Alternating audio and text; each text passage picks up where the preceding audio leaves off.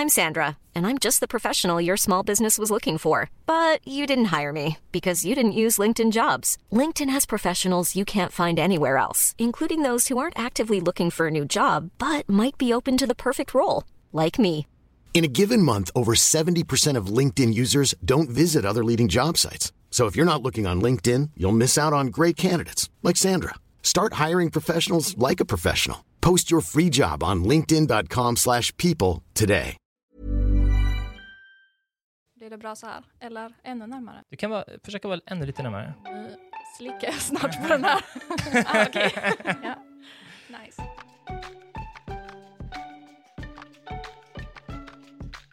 Hej och välkommen till Så blir du fucking influencer med mig, Emil Norberg. Det är ju melloperiod som ni som följt podden känner till. Det betyder att jag lägger väldigt mycket tid på att jobba med mello och väldigt lite tid på allt annat. Därför är det lite sent på kvällen när jag spelar in det här. Det hörs på min röst som är lite mystisk.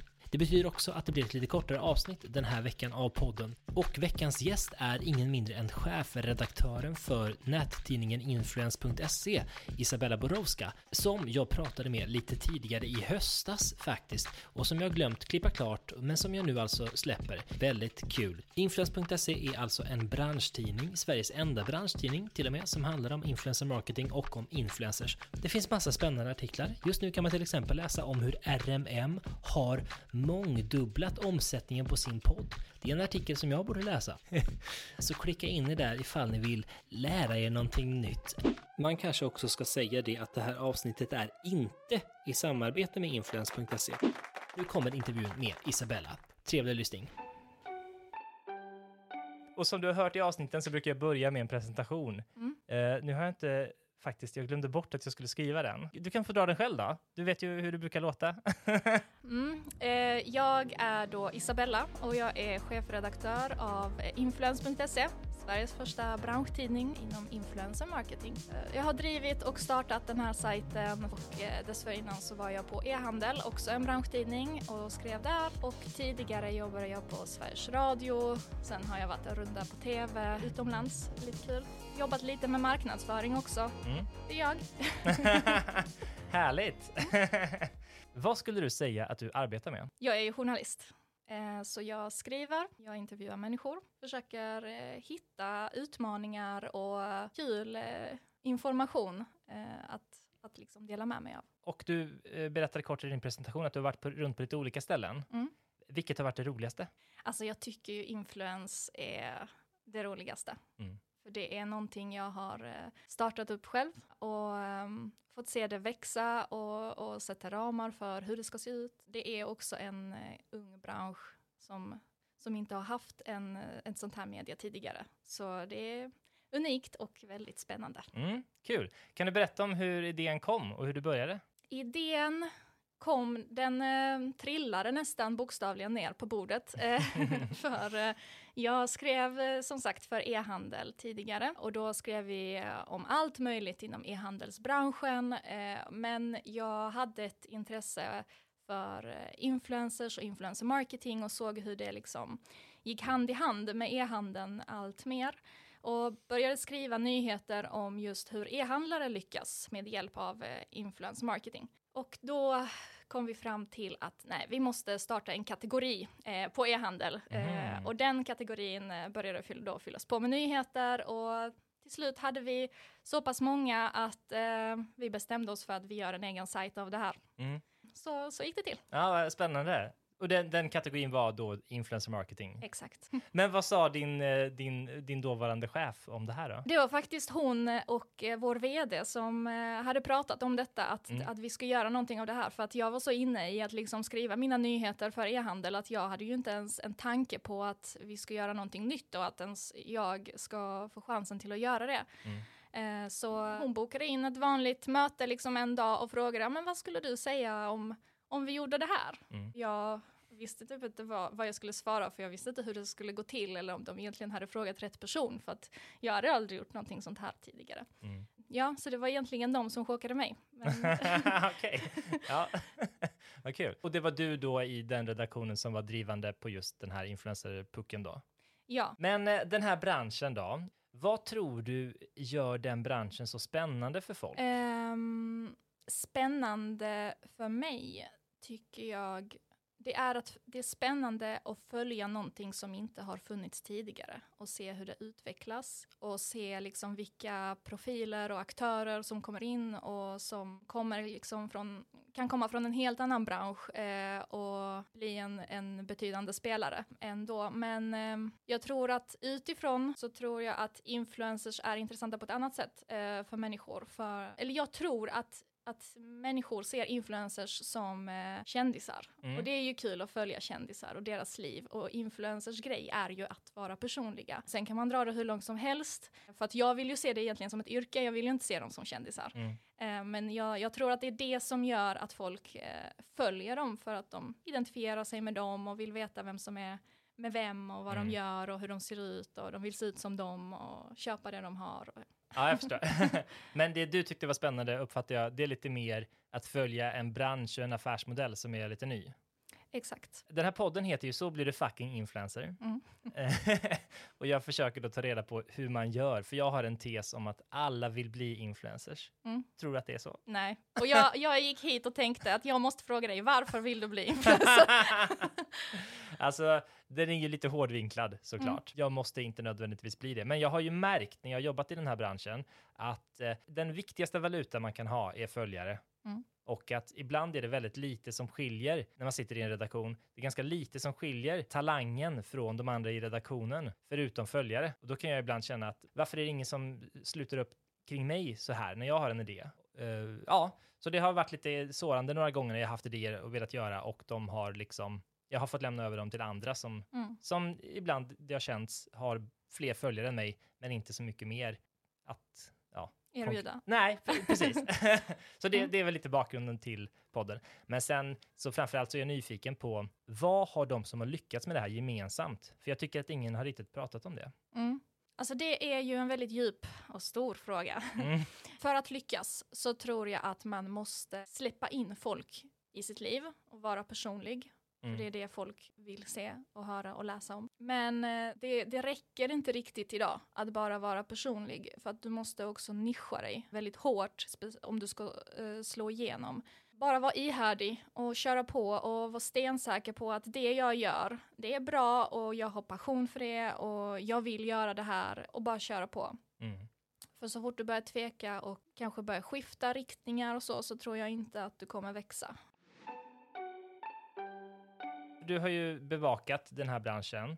Har du kunnat identifiera några typiska framgångsrecept som verkar funka för alla? Det är ju svårt att säga att det finns ett framgångsrecept. När jag gick hit så lyssnade jag då på Hampus Mm. Hedströms avsnitt och, och det lät ju väldigt klockrent att han hade nästan en mall för hur det ska gå till och han börjar sin jobbdag där och slutar där när alla andra liksom snackar om de jobbar 24-7. Jag, jag vet inte, jag tror det är väldigt individuellt. Alla är unika på sitt sätt fast att de kan vara inom samma kategori. Det är därför influencer marketing är nog så svårt att ta på, precisera Mm. vad det är för att det är så individuellt. Mm. Det kan ju vara allt från liksom att göra en musikvideo med en låt om ett visst ämne till att lägga upp en bild på en, en produkt, Mm. helt enkelt. Exakt. Om man vänder på det då, har du lagt märke till om det finns sådana misstag som folk begår? Det är nästan svårare att peka på misstag. Eller förlåt, tvärtom. Det är lättare att peka på misstag. Ja. För att eh, det är så enkelt att tänka att man, jag vill bli känd, jag vill bli influencer och jag vill ha goodiebags och bli bli bjuden Mm. på alla event. Men sen så, så går man all in på det och så efter ett tag så kanske man inser att nej, jag är inte alls egentligen bekväm med att visa så mycket om mig själv Mm. och prata om, eh, om det som eh, om mina sämre dagar eller eh, relationsproblem eller någonting annat. Det är just de som, som verkligen öppnar upp hela sig som ofta kommer väldigt långt. Och där finns ju undantag också.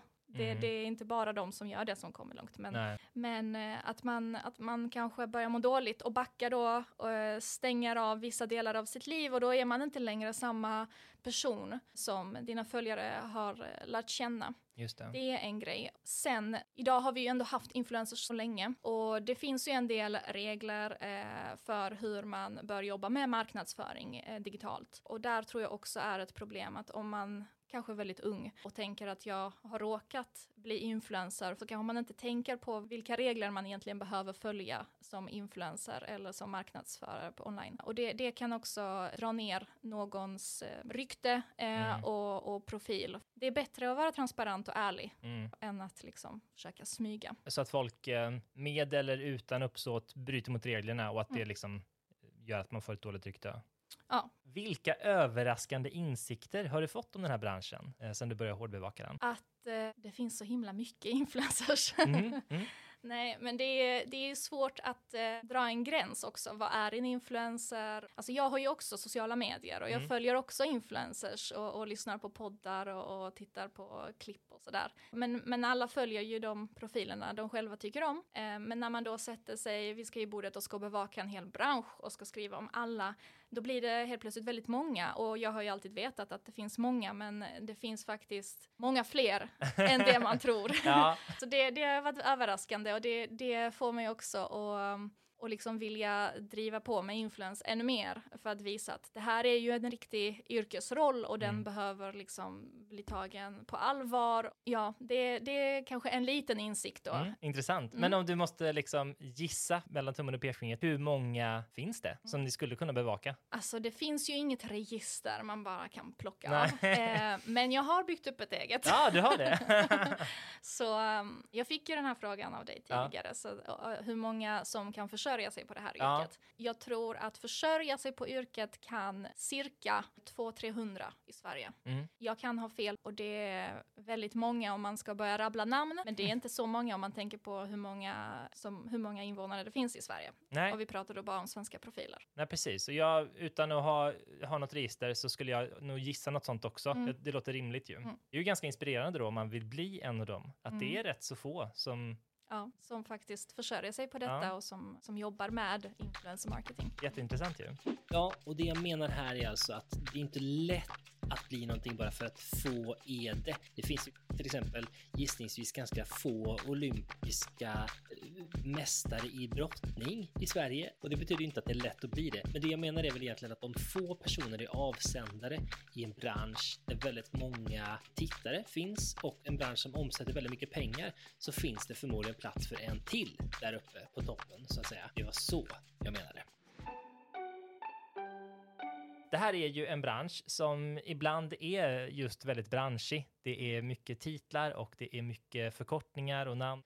Vilka är aktörerna som man bör känna till om man vill jobba i den här branschen? Det är så svårt att säga och peka på eh, exakt de här ska du prata med för att eh, det finns allt fler eh, och vissa är mer, mer specialiserade på vissa plattformar eller vissa sorts samarbeten. Så som influencer hade jag nog egentligen satt mig ner och, och gjort en research och sett vad som passar mig. Mm. För att just influencer marketing idag handlar ju mycket om att man ska dels vara personlig, dels nischa sig, men sen också att när man väljer samarbeten så ska de ju vara genuina för att allting handlar om en engagemang i slutändan. Mm. Så att på samma sätt när du ska välja en samarbetspartner, ett varumärke eller om det är en byrå eller en agentur, eh, så, så tycker jag att man ska göra den här researchen själv. För att jag vill inte peka ut någon nu, men det finns många bra och det är värt att Eh, liksom i alla fall ta ett möte med dem och se vad, vad de kan hjälpa till med. Ja, det är nog jättebra att inte bara slänga sig in i ett samarbete man inte vet vad det innebär ju. Vad tror du man bör göra som influencer för att bli så attraktiv som möjligt ur branschens perspektiv? Jag tror att man bör nischa sig. Nu har jag, känns det som att jag har sagt det jättemånga gånger, men det är verkligen någonting som man eh, borde tänka på. Alltså, vill man bli influencer, nischa dig ordentligt. Du behöver vara väldigt specifik och, och, i det kan du sen vara personlig och lägga till det. Men, men för att vara attraktiv, för att ett företag ska tycka att du kan sälja deras produkter eller eh, erbjuda deras tjänster på något sätt så, så vill de ju hitta någon som, som är inom samma område som dem. Så ju mer nischad, desto fler, fler möjligheter har du egentligen för att du har färre konkurrenter bland influencers, men du har också eh, större chans till samarbeten och, och dina följare, de, de, är inte där bara för att titta på ditt liv, utan de är där för att de verkligen är intresserade av det här ämnet som du har nischat dig inom. Just det. Och Ryan Reynolds here from Mint Mobile. With the price of just about everything going up during inflation, we thought we'd bring our prices down. So to help us, we brought in a reverse auctioneer, which is apparently a thing. Mint Mobile unlimited premium wireless. Ready to get 30, 30, bit to get 30, bit to get 20, 20, 20, bit to get 20, 20, bit to get 15, 15, 15, 15 just 15 bucks a month. So, Give it a try at mintmobile.com slash switch. $45 upfront for three months plus taxes and fees. Promo rate for new customers for limited time. Unlimited more than 40 gigabytes per month. Slows. Full terms at mintmobile.com. I'm Sandra, and I'm just the professional your small business was looking for. But you didn't hire me because you didn't use LinkedIn jobs. LinkedIn has professionals you can't find anywhere else, including those who aren't actively looking for a new job but might be open to the perfect role, like me. In a given month, over 70% of LinkedIn users don't visit other leading job sites. So if you're not looking on LinkedIn, you'll miss out on great candidates like Sandra. Start hiring professionals like a professional. Post your free job on linkedin.com/people today. Vad- Vilka nischer kan det vara? Vilka finns det egentligen? Det är lifestyle. Eh, lifestyle är ju väldigt, jag vet inte om man kan se det som en nisch längre, för Nej. att det är, det är ju allt. Det är sant. Ja. Det är ju allt som man filmar, ja. Men, eh, men så här, en nisch kan ju vara att man kanske renoverar möbler eller att man eh, har eh, tips och tricks på eh, telefonen eh, eller att man planterar växter eller så här do it yourself videos. Det känns ju kanske inte så influensigt, allt det här som jag, som jag nu har nämnt, men eh, det kan ju bli influensigt om man gör det på ett influensigt Mm. sätt. Nej, men jag tycker, du, jag tycker du har helt rätt, Ja. Mm. för jag kan till och med tycka att, för att det är ju skillnad på om man tar en person som Bianca Ingrosso. Hon gör ju väldigt mycket helt rätt, men jag skulle ändå gissa att em, hennes situation den beror inte till 100% på hur skickligt hon hanterar sociala medier, utan hon har ju medverkat i en av Sveriges största reality-serier under många år och är, tillhör en känd familj och sådär. Men däremot en person som lyckas få hundratusentals följare med tips på hur man gör sticklingar, den är ju egentligen, eller den måste vara skickligare på hantverket, sociala medier. Mm. Eh, Jag håller med dig där. Ja.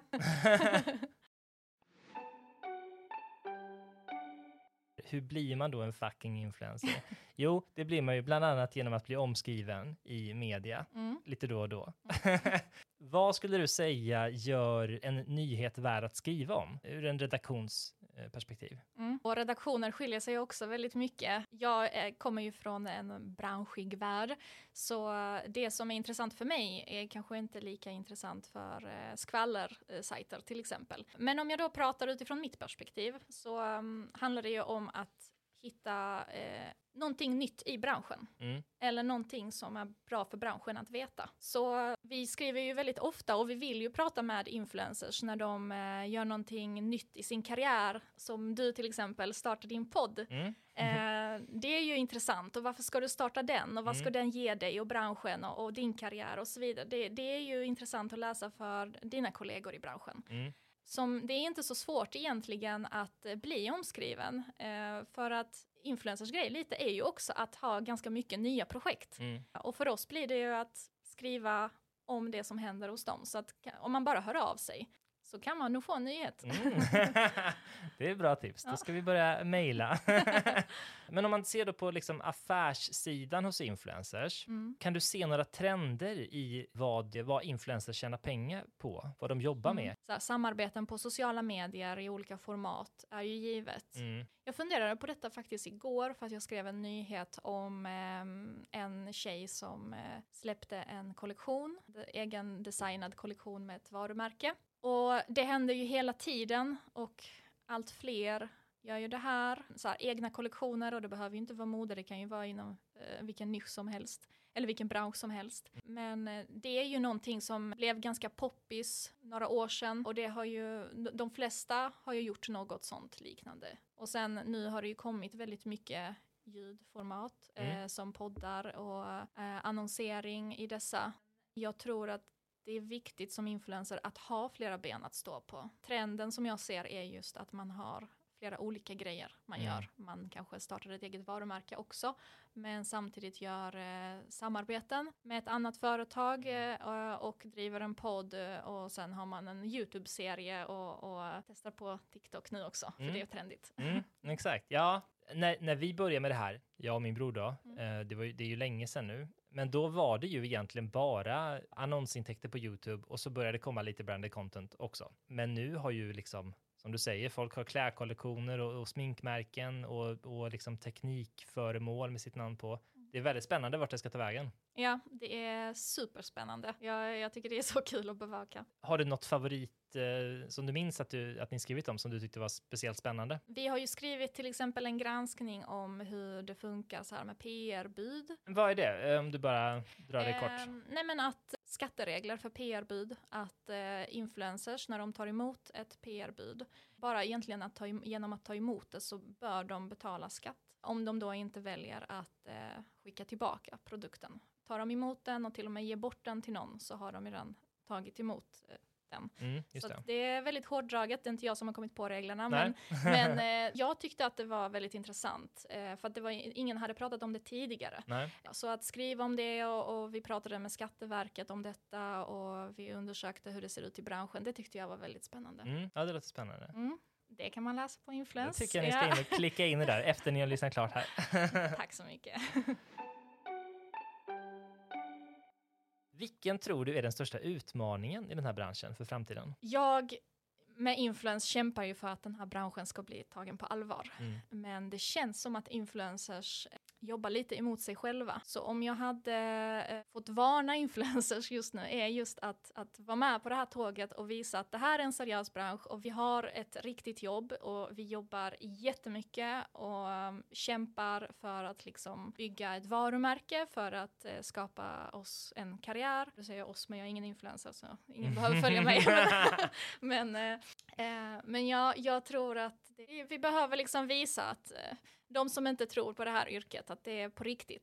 Om man inte läser på vad man, vilken skatt man behöver betala till exempel, eller hur samarbeten fungerar, att man behöver eh, läsa briefer och att man behöver följa instruktioner och leverera till kund i tid eh, och så vidare, då, då visar man ju att man inte är seriös. Och det hade man, så hade man betraktats på ett vanligt jobb också. Vanligt inom citationstecken. Mhm. Eh, Intressant. Och när, när du säger att eh, ibland känns det som att influencers jobbar emot branschen, det är sånt du menar då? Att, att- slarva? Att slarva och liksom inte se, sig, se sitt jobb som ett riktigt jobb. Och det kanske beror på att man går in i den här rollen i förhoppningen om att nu ska man bara leva kändisliv och götta sig. Mm, det är det man tror att det är. Men ja, du vet ju själv hur mycket jobb det ligger bakom. Mm. Om man då tar det tillbaka till de här affärsmodellerna som influencers har. Vad tror du vi kan få se i framtiden för slags intäktsmodeller runt influencers? Svår fråga såklart, men jag tänker om, om ja, om man jag ska kan öppna min ana- spåkula här. Ja, exakt. Nej, men man kan ana kanske vad som har hänt i USA eller så. Jag vet inte hur mycket internationellt ni bevakar, Mm. men Vi försöker. Mm. Jag, jag har hittat en intressant spaning Mm. eh, på eh, en modell.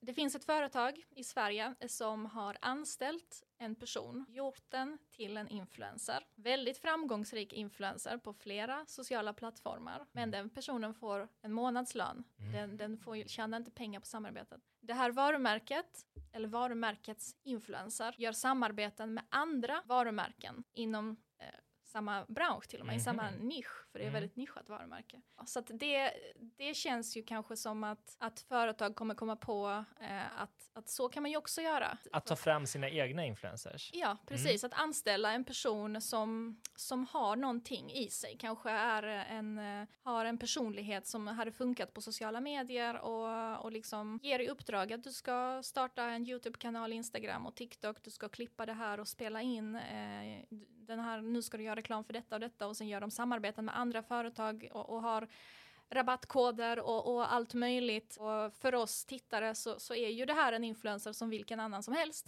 För den personen är det ett fast jobb med fast inkomst och så vidare. Men det är väldigt intressant att ett varumärke gör egentligen ett samarbete med ett annat varumärke. Mm. För mig är det, är det så spaceat att jag knappt kan förstå det själv hur det där funkar. Men ehm, Ja, men det är ju jätteintressant. Men eh, alltså, du får ju nämna, om det inte är någonting du vill spara till någon egen artikel eller någonting, så får du gärna säga. eh, kanal gratis heter det. Det Ja. är, eh, känner du till dem? Låter bekant, men jag vet inte. Det är fiske. Okej. Så, men det, är, det, är en, det är influencers inom eh, sportfiske, visar upp fiskespön och drag och, och allt möjligt. Eh, och då tänker du friluftslivet är ju deras bransch och sen gör de samarbeten med till exempel Revolution Race. Mm. Som egentligen de säljer samma grejer. Men de här är ju influencers. Så de visar upp deras saker och företaget tjänar ju pengar på samarbetet. Det, Det är lite lustigt alltså. ja, För det har jag ibland tänkt också att eh, varför ska företagen, de som vill annonsera, göra sig beroende av att köpa in plattformar hela tiden? mm. Men det är klart, det är ju inte alltid de har en karismatisk person som kan starta en egen kanal. Men det här är ju Nej. en jättebra mellanväg ju. ja, det här är ett helt annat sätt och um, ja, det här det funkar säkert för många profiler kanske bättre för att de inte behöver ta allt ansvar själva ifall det kommer in kommentarer eller att de behöver jobba för att få samarbeten och de kanske tycker det är tryggt med att ha eh, samma månadsinkomst för att när man är egenföretagare så funkar det på ett annat sätt. Så Mm. jag tror att det, det kan ju vara ett sätt, ja, det är väldigt eh, intressant om du frågar mig. Mm, ja, det tycker jag också. Jättespännande. Det hoppas jag att vi får se. Om du måste ge ett par råd till någon som vill börja och arbeta som influencer. Vi har ju såklart varit inne på det redan, Mm. men vilka råd skulle du vilja ge dem då? Gör det bara om du tycker det är kul. Gör inte det för att du vill ha goodiebags och, och, och allt det där. Alltså, tycker man genuint att det är roligt att skapa det här materialet och klippa det och ta fram det, då kommer det synas och då kommer folk upptäcka dig. Är det ett dåligt tips? Nej, det, det är jättebra. Det, det återkommer ofta när jag pratar med folk. Ja. Typiskt, men det är kanske det bästa tipset. Fanns det någon annan fråga som du trodde jag skulle ställa? Och vad hade du svarat då? alltså någonting som du tycker att man pratar för lite om, ehm, eller så. Det var en svår fråga. Men Men jag tänkte om det är någonting som, som ni pratar om på redaktionen, så varför, prat, varför skriver ingen om det här? Eller varför är det ingen annan som tänker på det här? Alltså det är ju, man pratar ju väldigt lite om eh, just med privata och offentligt sfären. Man nuddar vid det kanske när man börjar må dåligt. Att eh, man, man inser att eh, det, jag kanske inte mår så himla bra av att läsa alla de här kommentarerna och visa upp allting och folk har ju åsikter om allt och, och ja, det, det har folk och det har folk alltid haft. Mm, Eh, och det kommer folk alltid att ha. Mm. Vi kommer ju inte bli av med negativa kommentarer. Men eh, jag tycker det är viktigt att eh, prata och uppmärksamma just eh, vad som gäller i branschen. För Mm. att det är det, för att ju fler som vet om vad som gäller eh, och följer det som gäller, desto mer folk kommer ta branschen på allvar Mm. eh, när man har kommit dit. Och, och sen det här med hälsa, psykisk hälsa tycker jag också är himla viktigt att, att tänka på, i alla fall när man ska börja med detta, för att det är ju väldigt enkelt att, att öppna upp sig, men sen när man har hållit på ett tag så kan det ju bli jobbigt. Hur man ska hå- förhålla sig till eh, det här eh, jobbet och liksom hur det påverkar hjärnan och måendet. Och det är ju jättespännande. Jättespännande och eh, viktigt. Nej, men då tycker jag, då var det de frågorna som jag hade tänkt på förhand. Jag tyckte faktiskt att det här var jättebra och Ja. det var branschigt och det var bra frågor. Ja, vad kul. Här ska ni få höra en lite lustig detalj. Att bara några dagar efter den här inspelningen i höstas så skulle Influence.se hålla sin stora mässa för influencer marketing, Influencer Marketing Summit. Det är en dag när några av Sveriges främsta aktörer inom branschen skulle träffas och mingla, lyssna på panelsamtal och föreläsningar, helt enkelt lära sig det senaste och hetaste inom branschen. Men det lustiga är att bara dagen efter det här samtalet som ni just lyssnat på så ringde Isabella upp till mig och sa att konferensjären för den här dagen hade behövt hoppa av projektet i sista sekund. Och då fick istället jag frågan då om jag och min bror kunde leda det här istället. Vi tackade ja och med bara liksom något dygn då kvar tills den här dagslånga eh, konferensen fick vi lära oss manuset och titta på scenen och sådär. Ja, sen hostade vi den här galan då. Och det var väldigt lyckat och väldigt intressant. Och då är det säkert någon av er som tänker, åh nej vad tråkigt att jag missade den. Ja, men då kan ni vara lugna, för under 2023 så kommer en till sån här dag. Vi planerar redan 2023 Mm. och det ska bli ännu roligare och pampigare och allt det där. Ah, Så, håll koll på det då. Eh, Influencer Marketing Summit 2023. Exakt. Grymt! Ja, men då tackar jag dig så mycket för att du tog dig tid att komma hit. Tack för att jag fick vara här. Mm. Ha det fint! Detsamma. Hej, hej! Hej.